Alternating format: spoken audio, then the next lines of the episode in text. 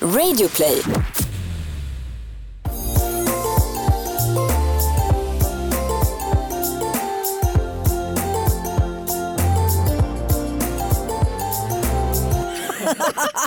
Alltså vi börjar med skrattet, eller hur? Hej alla lyssnare, vi är tillbaka! Yay! Yay! Jag, jag Jenny Kaiser. Och jag Jessica Morales, programledare för podcasten Bakom varumärket. Eh, det känns ju otroligt härligt att sitta här i studion igen, eller hur? Verkligen. Ja. Det är bara det att om vi låter lite rassla idag så beror det på att båda två har en grav eh, hosta som vi gör det bästa för att dölja. Men eh, i, i övrigt så eh, allt är som vanligt, eller? Jag skulle nog säga det. Våren är snart kommen och ja, ljuset i tunneln börjar visa sig så att eh, ja, vi blåser på. Vi hade ju en grym eh, första säsong av eh, Bakom varumärket och vi har fått massa bra feedback och återkoppling från alla lyssnare så att vi är supernöjda med att vara tillbaka igen. Ja, Jätteroligt. Eh, verkligen. Och eh, också känns väldigt kul att det vi har framför oss här eh, under våren är en eh, rad, uppradning kan man säga, otroligt många spännande personer.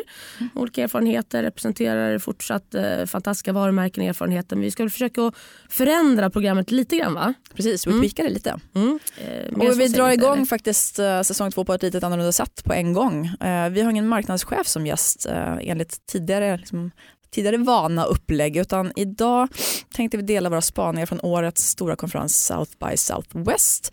Eh, Och vi har en gäst med oss i studion förstås men vi håller är lite mer på halster Ja, innan vi det berättar vem det är. Det kallas för en liten teaser. Teaser.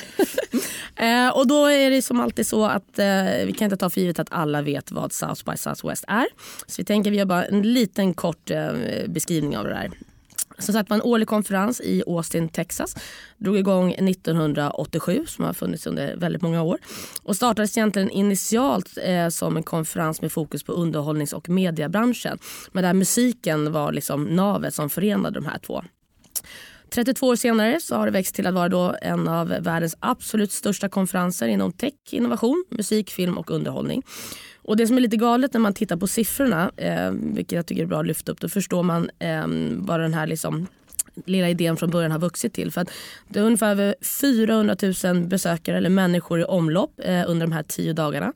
Cirka 2 000 föredrag, föredrag ursäkta, hålls under konferensen. 700 fester och andra events hålls utanför och eh, på själva området. 102 länder finns representerade, eh, lite grann plus på plats.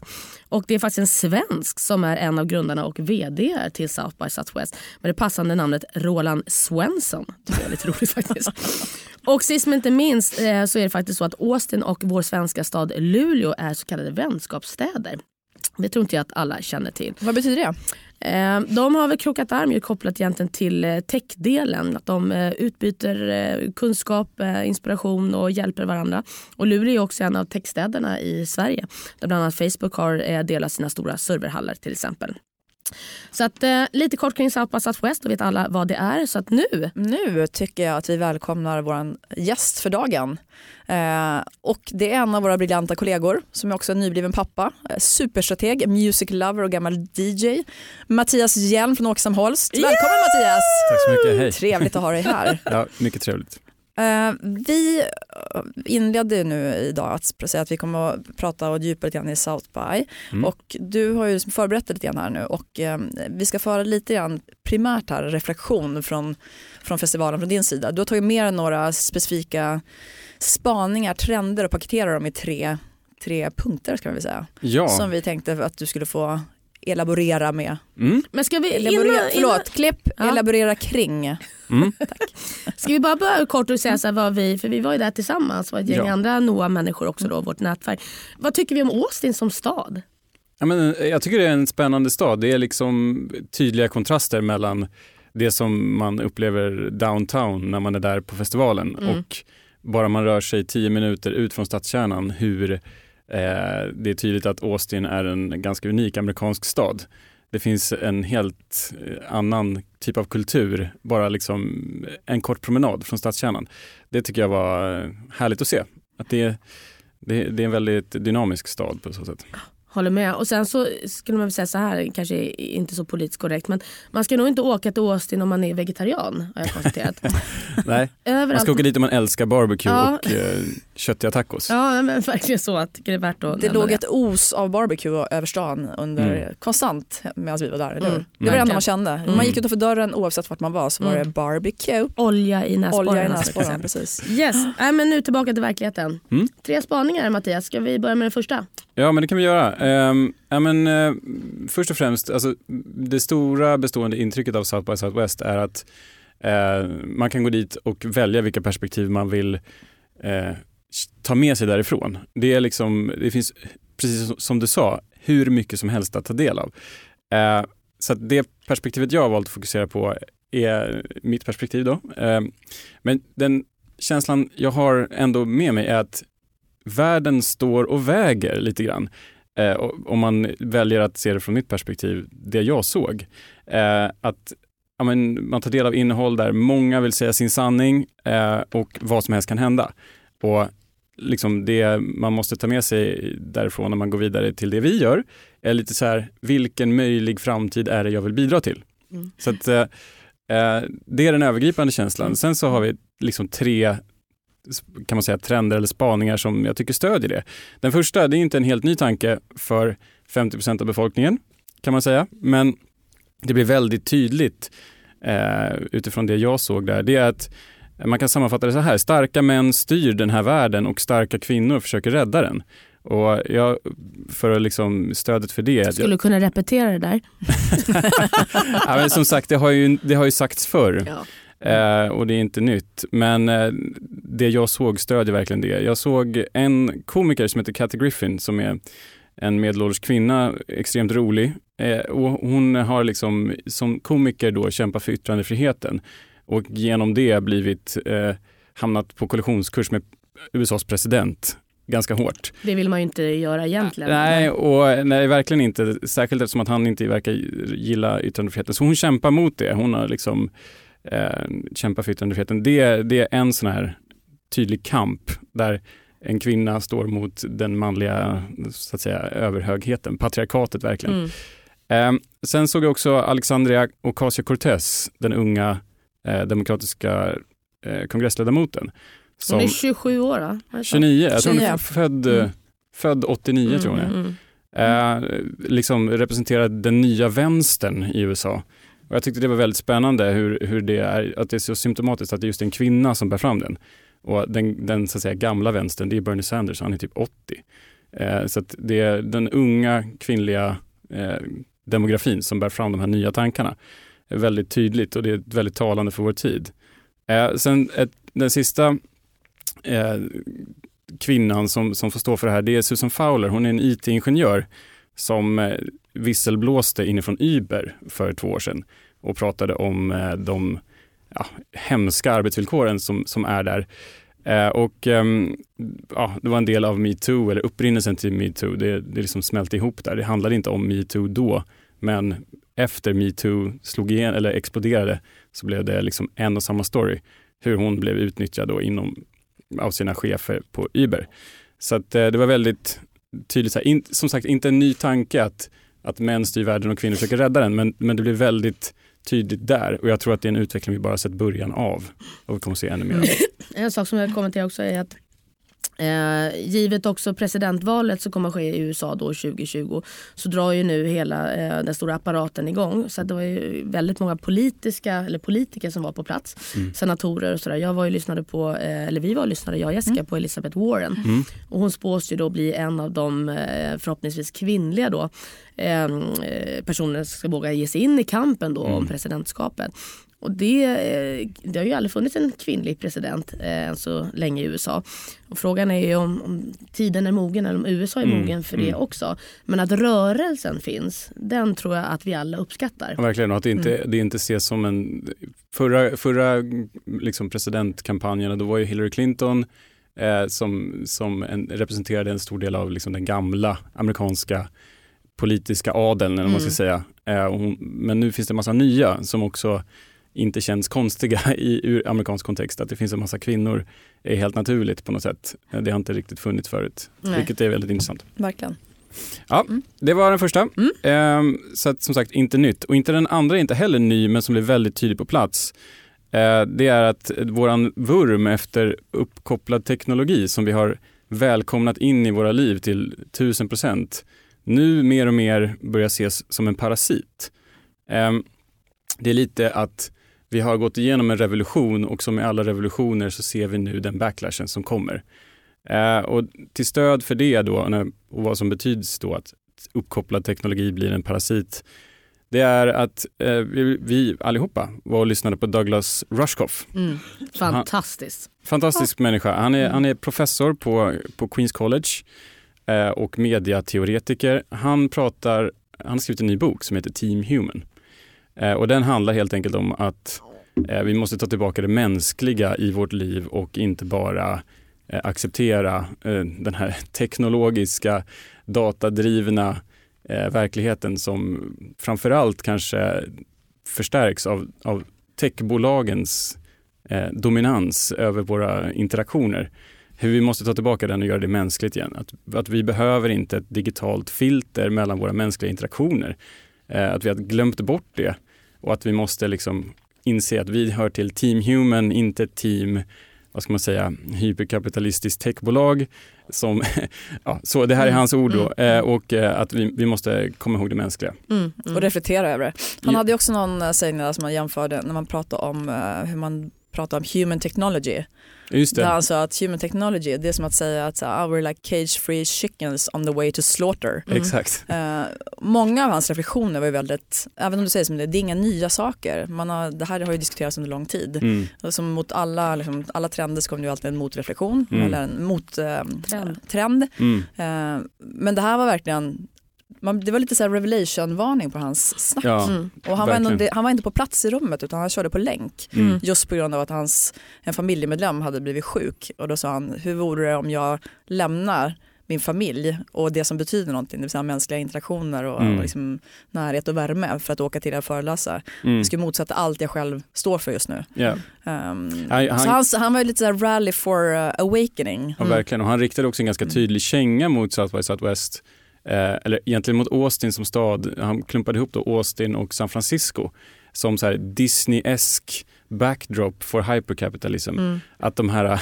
festivalerna omges och liksom laddas med någonting mjukt men mm. egentligen så är de inte det utan de är inte på Team Humans sida. Mm. Eh, så att det var ju, ja, han, han var en, en, kritisk röst i det här vilket var intressant. Men vi kan väl uppmana alla att så här, leta rätt på den här boken eller lyssna på hans mm. föredrag. Det går ju att lyssna på, på... Det finns också en podcast som heter Team Human. Ja exakt. Mm. Sen, sen, så finns ju alla de här föredragen som faktiskt vi var och lyssnade på mm. också. Det är ett tips till alla lyssnare om man inte kunde vara på plats. Mm. Mm. Så kan man gå in och titta på allting för det finns ju filmat. Så gå in på sajten, uh, sök upp det ni tycker verkar intressant för det är highly Jag har också en, en kommentar på det där. För Eh, jag vet inte om det var det sammanhang men just att det är inte, alltså, technology is not enabler for humankind. Humankind mm. is enabler for technolo technological evolution. Mm.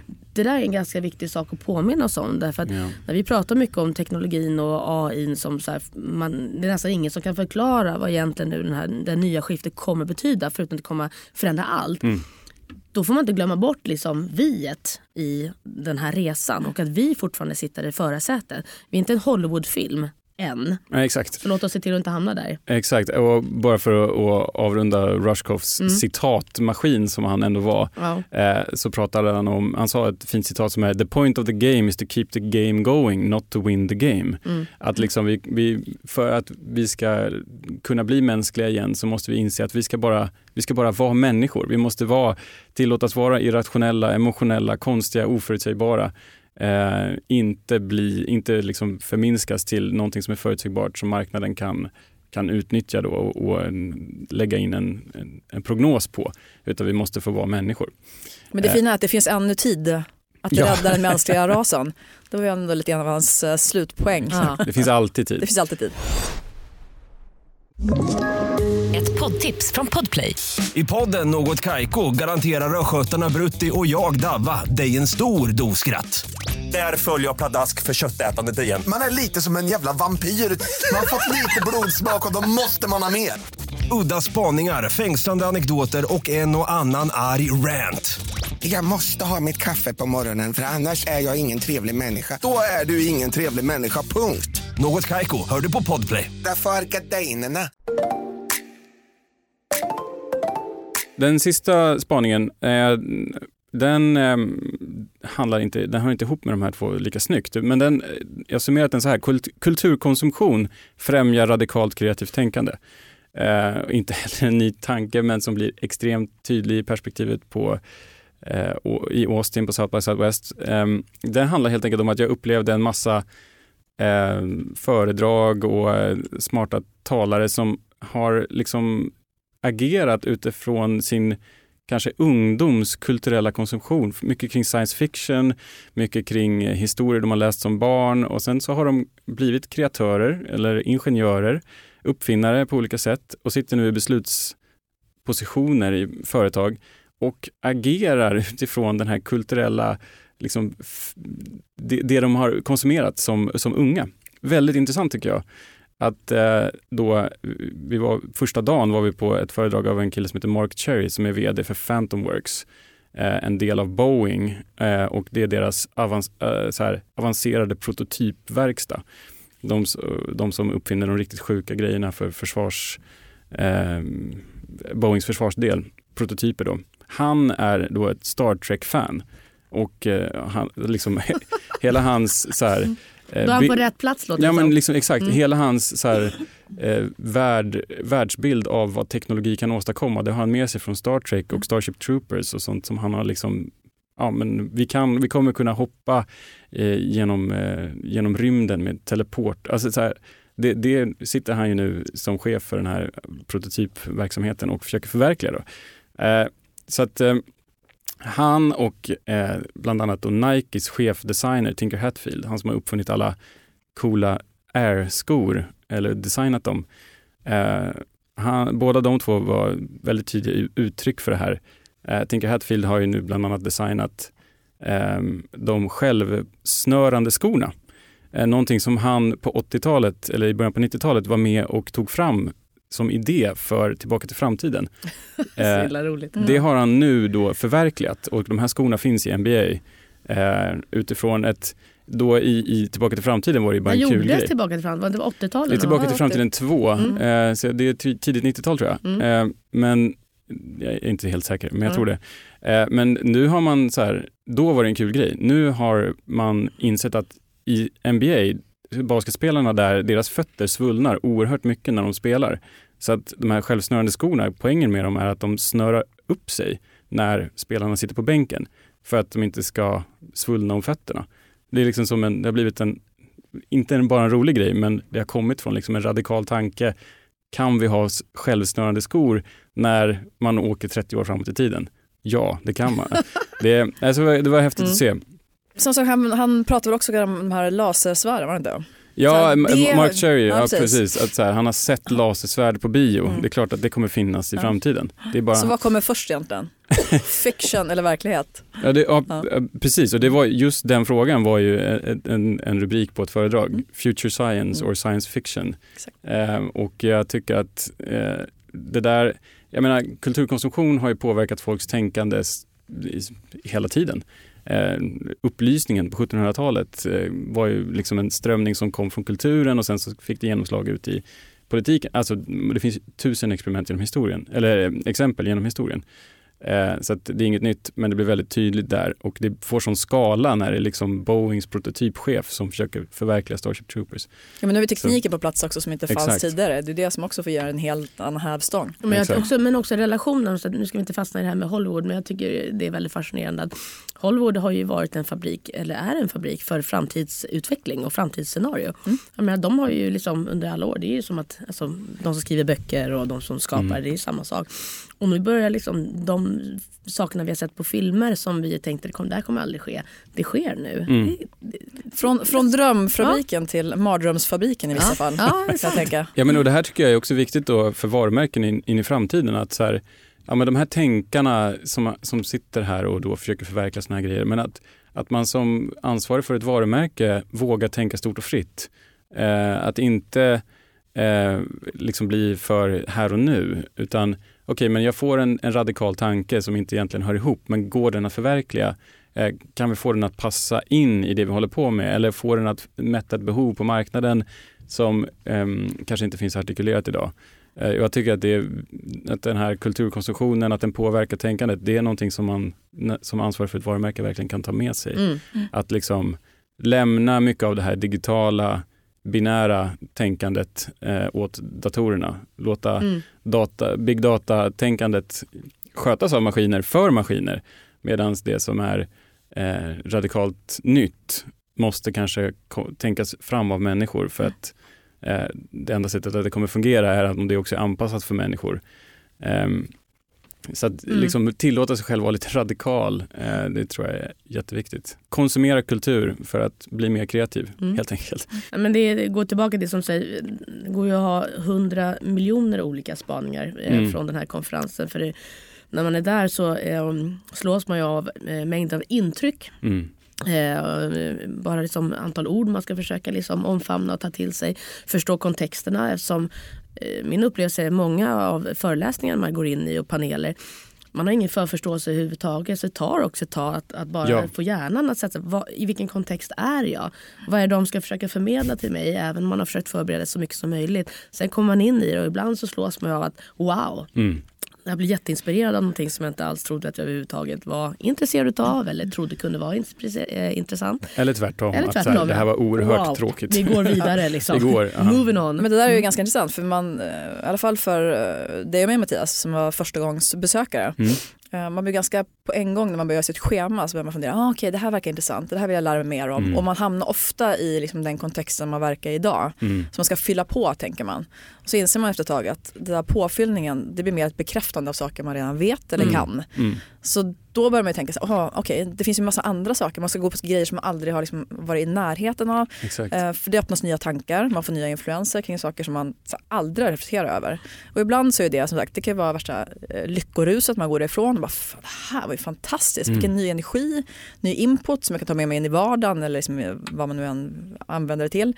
Och sen är det precis de här grejerna att bara, det här är skitspännande och så går man därifrån efter fem minuter och är så besviken.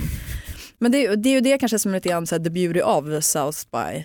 Att säger allt du ja till finns. något säger nej till något annat. Men så, och man all, tänker alltid att man missar någonting. Så fear mm. of missing out har ju ja. aldrig varit mer eh, framträdande än under denna festival. Ja, jag håller med.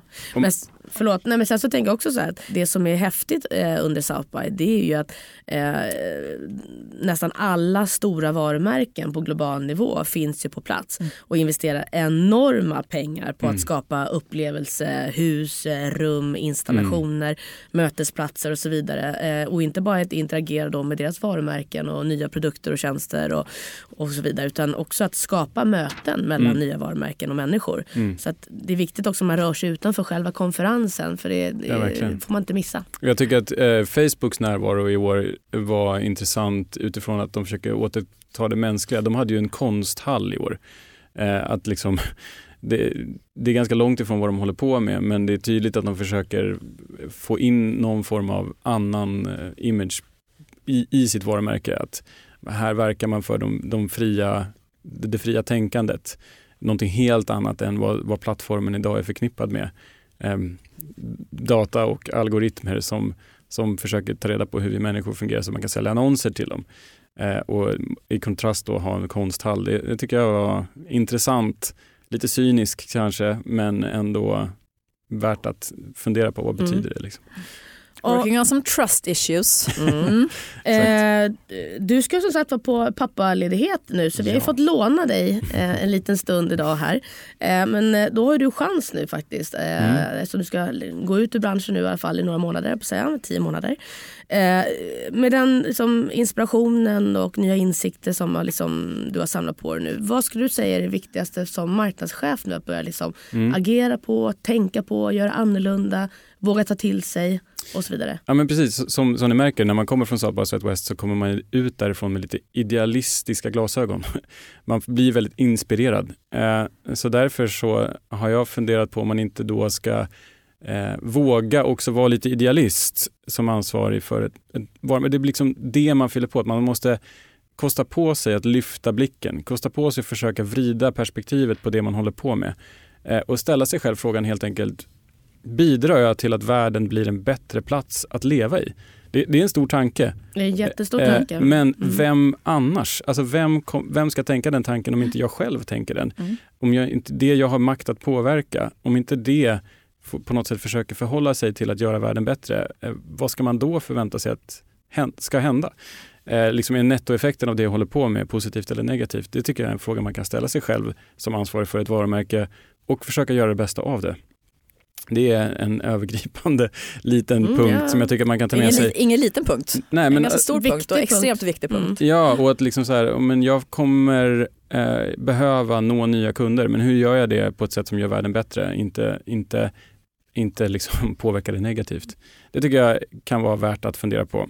Eh, och den andra tanken, en annan tanke som jag tycker går tillbaka till eh, den första tanken om att så här, eh, Eh, den första spaningen som handlade om att människors verklighet, att verka, är liksom lite utmanad. Så att vilka villkor och förutsättningar skapar jag för att människor i min organisation ska kunna fungera och kreera så bra de bara kan? Att sätta en kultur som tillåter fritt tänkande, eh, olikheter, att man inte passar in i ramarna. Hur ska man då kunna eh, göra det bättre, så att säga, bättre förutsättningar för det?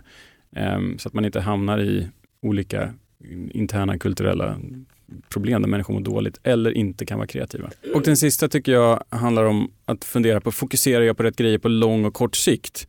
Att så här, i, i, i vår tid nu så är det extremt lätt att bli förtrollad av digitaliseringens möjligheter att mäta allt, vilket kan innebära en kortsiktig vinst för varumärket, vilket är jättebra. Eh, men, men man måste då fundera över de långsiktiga effekterna. Den här revolutionen nu som har hänt, att man då inte bara låter sig förtrollas av den utan att man tänker nu står vi inför ett skifte. Vad kommer fungera på lång sikt? Och det är ju att där, där är jag en, en Douglas Rushkoff-supporter i det att eh, det mänskliga kommer vara det eviga. Eh, och människor gillar människor. Eh, så here, att, here! Eh, så att eh, komma, ihåg, komma ihåg det, att man, att man tar tillbaka, eller framförallt inte förlorar det grundläggande mänskliga i allting man håller Nej, på med. Men om man gör det, då är det ju över. Ja, exakt. Då kan vi stänga ner. Eh, och liksom fundera så har, finns det svängrum för mitt varumärke att agera som en, som en mänsklig personlighet? Om det inte finns det får man skaffa förutsättningar för det. För att jag är övertygad om att på lång sikt så kommer varumärken som lyckas med det vinna. Mm. Eller kan varumärken eh, faktiskt också uppmuntra mänskliga interaktioner i större utsträckning mm. inom ramen för det de pysslar med. Både i utveckling Exakt. och i kommunikation och så vidare. Mm. Ja, mycket, mm. mycket bra Mattias. Otroligt bra. Um, Toppen. Det är många som, som vi då, uh, vi på Åkestam Holst men också inom då det nätverket vi, det, vi ingår i, The North Alliance, investerar ju i att faktiskt skicka iväg medarbetare till South by Southwest. Och det är en del av vårt utbildningsprogram. Men för de som inte har varit där ännu till exempel, varför ska man åka dit? För att man blir eh, lite mer idealistisk i tanken. Man, man, man tillåter sig själv att eh, utmana det man håller på med varje dag. Okej, okay, det här är kanske, som, som Jessica sa, det här föredraget eller den här talaren har jag ingenting gemensamt med. Jag vet inte vad de kommer att prata om men rubriken är intressant. Att få upp möjligheten att uppleva det förpackat på så bra sätt som det är i Austin för det är oerhört duktiga talare. Mm. Mattias, otroligt stort tack för att du tog dig tid att liksom, uh, ge oss all den här inputen och kanske också uh, sälja in Austin till de som inte var där. Mm. Speciellt, speciellt. första dagen på din pappaledighet. Ja. Först, speciellt, men vi kan väl bara säga det också, nu, nu, är det liksom, nu är det dags igen. Nu släpps ju nu öppnas ju försäljningen för biljetterna för 2020. Mm. Så, så här, ta, ta er en funderare alla som lyssnar där ute. Eh, ska ni lägga era liksom, pengar på något under nästa år så skulle vi säga highly recommend Austin för att det gör någonting speciellt för era medarbetare och för er själva. Jag tror att det, är eh, få det är en andra, väl värd investering. Få andra evenemang på jorden som förpackar det här så bra Precis. som de gör. Så ska man lägga sina utbildningsbidrag eller eh, konferensresor eller kalla det vad man vill eh, på något ställe, eh, åk till Austin. Det är väl våran samlade tips. Men eh, vi har ju en liten tradition här i vårt program eh, där vi avslutar eh, våra samtal med fem snabba. Mm -hmm. och det tänkte vi göra även med dig. Och det går ut på att vi säger då fem ord och du säger eller svarar det första som poppar upp i din tanke. Livsfarligt. Mm, livsfarligt. Men vi börjar med mm. något enkelt. Mm. Strategi. Jobb. Musik. Livet. Vår. Ja, äntligen. Passion. Ja, just nu familjen. Kreativitet.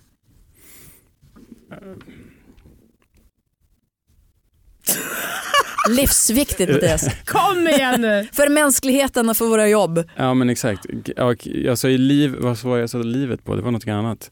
Ja, men kreativitet är, eh, vad ska man säga, livsenergi. Det, det ja. Nu ser faktiskt Mattias lite lycklig ut, han har svårt att sätta ord på det. ja nej men exakt. Det händer inte varje dag. Som en kreativ, jag ser mig själv som en kreativ människa. Det är ja, oerhört viktigt mm. för att vara lite klyschig. Mm. Ja. Hörru, nu äh, tackar vi så gott. Nu släpper vi iväg dig på den långa föräldraledigheten. Kom och hälsa på så snart du kan. Vi kommer att sakna dig. Ja, otroligt mycket. Jag kommer snart. Men Kom ni där ute, ni behöver inte sakna oss så himla länge för om en vecka är vi tillbaka med eh, ett nytt program och med vår första gäst eh, i form av marknadschef för säsongen. Precis. Vem är det som kommer då Jessica? Det är Claes Pellvik på Ving. Och med Claes ska vi prata om det till viss del uttjatade ordet innovation, eller storheten innovation, vad är det för någonting? Och vilken betydelse har det i en verksamhet som just resebranschen? Mm, ska Så jätteroligt. Vi ser fram emot nästa vecka. Mm. Och det här är Jenny Kaiser och Jessica Morales. Signing off från podcasten Bakom varumärket. Bakom varumärket presenteras av Bauer Media. Störst i Sverige på ljud. Hörs nästa vecka. Hej! Hej då!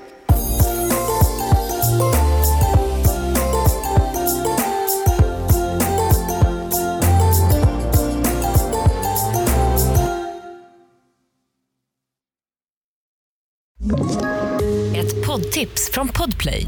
I fallen jag aldrig glömmer djupdyker Hasse Aro i arbetet bakom några av Sveriges mest uppseendeväckande brottsutredningar. Går vi in med hemlig telefonavlyssning och, och då upplever vi att vi får en total förändring av hans beteende. Vad är det som händer nu? Vem är det som läcker? Och så säger han att jag är kriminell, jag har varit kriminell i hela mitt liv men att mörda ett barn, där går min gräns. Nya säsongen av Fallen jag aldrig glömmer på Podplay.